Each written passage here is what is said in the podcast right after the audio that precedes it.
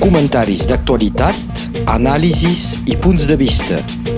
La crònica d'opinió amb l'advocat Pere Beca. Bon dia. Passen les eleccions, passen les crisis, cada dia augmenta el desviament democràtic degut a la desil·lusió dels votants, creix l'abstenció, però queda l'injustícia política els presos i els exiliats a Catalunya en una suposada democràcia occidental, membre de la Unió Europea, estan sempre amb les mateixes condicions. I no veiem que les eleccions i últimament les franceses municipals aportin un sentit de canvi en aquest esperit. Les lliçons d'aquestes eleccions municipals, almenys de la segona volta, ja que la primera ja ho vam comentar en el seu moment, segona volta del 28 de juny. A l'estat francès hi ha una sèrie de coses que tenen de que cridar l'atenció. I la primera és l'abstenció. És la primera vegada, crec, que en unes eleccions municipals franceses, que tradicionalment són les eleccions que més reuneixen votants perquè més la gent està en contacte amb la feina dels elegits, que hi ha tanta abstenció, una mitjana de més de 60%, en certs llocs més de 70% d'abstenció. Evidentment que se pot sempre dir que hi ha el perill de la contagió i de la crisi sanitària. Però també es pot dir que molts francesos no creuen en l'utilitat del vot, fins i tot del vot del seu propi batlle. No creuen en aquesta utilitat per canviar la vida quotidiana ni per enfrontar problemes globals.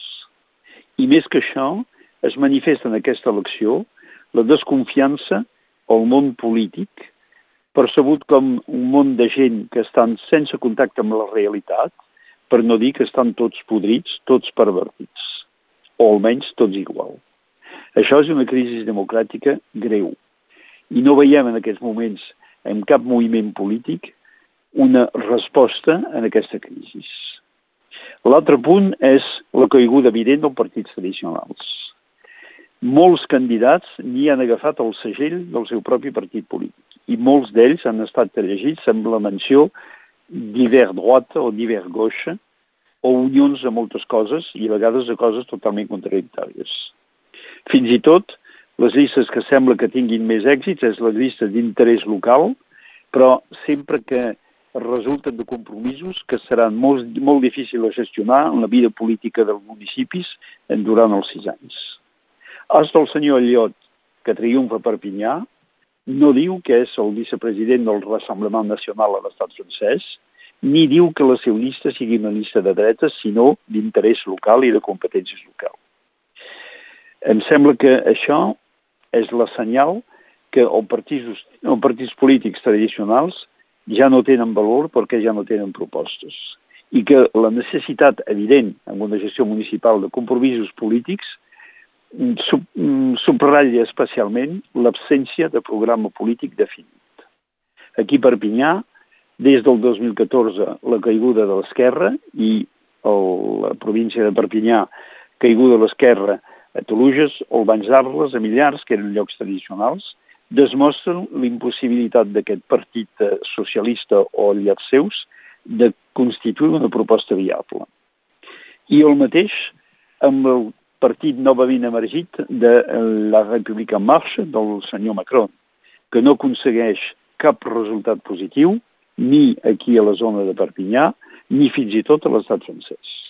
I fins finalment el Rassemblement Nacional com partit tradicional, que, sortit del fet que no ha posat endavant el seu senyal, tampoc fa en nombre de vots a la ciutat de Perpinyà, també que ho, que ho havia fet el 2014, que no havia.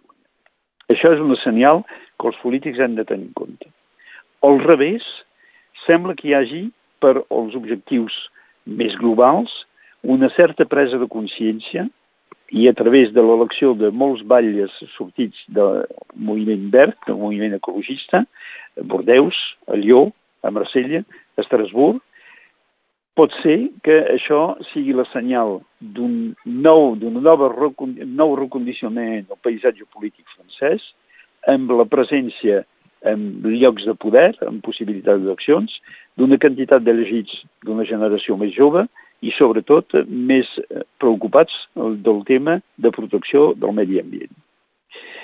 Aquests polítics que es troben al cap de grans ciutats són gent poc coneguda fins ara, han sigut votats no per la seva personalitat, sinó pel seu programa, molt probablement. A veure ara com podran gestionar davant de la realitat. Els francesos diuen que el dimoni s'allotja en els detalls i en aquest cas serà la dificultat de portar endavant una política realment eh, corresponent a un programa ecològic amb els mitjans d'uns ajuntaments, encara que siguin grans municipis, i sense l'apoyo directe d'una organització estatal. I aquí serà el problema més gran que hauran d'enfrontar tots aquests. I a Perpinyà. A Perpinyà sembla que la problemàtica ecològica no hagi agafat els votants, que hi hagin triat millor d'anar cap a un moviment més radical. El programa d'aquest moviment radical, sortit de la seguretat és molt fluix. No se sap exactament quines ganes tenen de fer de Perpinyà. Ja sé que s'ha declarat moltes coses, però realment, quan se mira el programa, sortit del tema de seguretat pública, no hi ha cap definició molt exacta d'aquest programa. I especialment per nosaltres catalans, tampoc hi ha, quasi bé en cap programa dels candidats, inclús de la primera volta, tampoc hi ha la presa en compte real del moviment catalanista. I especialment amb l'equip municipal actual, crec que ni se sap en aquests moments qui serà en càrrec d'aquesta problemàtica. Llavors que, precisament, si hi ha una cosa que podria ser unificant per la gent és que clarament es determini de cara a aquest problema una política que sigui expressada i organitzada. Això serà un dels reptes més importants que tindrà d'enfrontar l'equip municipal actualment. Ja ho veurem més endavant. Lo segur és que des de Barcelona, des de la Generalitat i des de, dels poders catalans se'ns mirarà amb una mica de malfiança, una mica de por, potser fins i tot, i que això pot tenir també conseqüències sobre el futur del catalanisme a la Catalunya del Nord. Moltes gràcies. Comentaris d'actualitat, anàlisis i punts de vista. La crònica d'opinió amb l'advocat Pere Beca.